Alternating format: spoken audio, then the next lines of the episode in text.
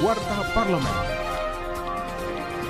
Inilah Warta Parlemen bersama saya, Edo Da Vinci.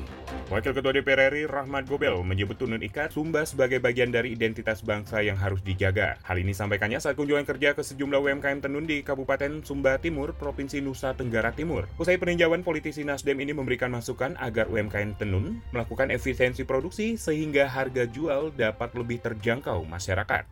Parlemen. Sejumlah negara di dunia saat ini berlomba-lomba mengembangkan energi nuklir. Bahkan negara yang sumber dayanya kecil seperti Uni Emirat Arab. Hal ini disampaikan anggota Komisi 7 DPR Bambang Patijaya saat kunjungan kerja ke Puspitek di Tangerang, Banten. Politisi Partai Golkar ini menyebut Indonesia memiliki potensi uranium dan plutonium yang bisa saja dikuasai negara lain. Ia meminta pemerintah memberi ruang kepada peneliti Indonesia agar tidak tertinggal dalam upaya pengembangan energi nuklir yang aman.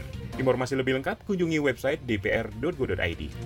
Komisi 5 DPR RI meminta pemerintah memberikan tunjangan bagi seluruh perusahaan jasa transportasi dengan adanya kebijakan larangan mudik. Anggota Komisi 5 DPR RI Novita Wijayanti mendukung penuh larangan mudik, namun pemerintah perlu memberi perhatian pada perusahaan transportasi. Pasti alat dan mesinnya harus dicek. Jadi insentif sangat diharapkan, subsidi sangat mendukung, tetapi juga jangan ditinggalkan adalah faktor kenyamanan, pelayanan, dan keselamatan. Televisi, radio, parlemen.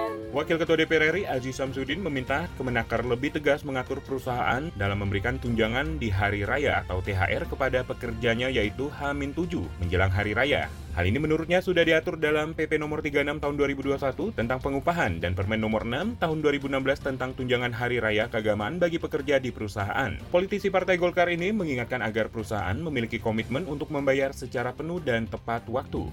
Kinerja Wakil Rakyat simak di media sosial DPR RI. Demikian Warta Parlemen, Produksi TV dan Radio Parlemen, Biro Pemberitaan Parlemen, Sejen DPR RI.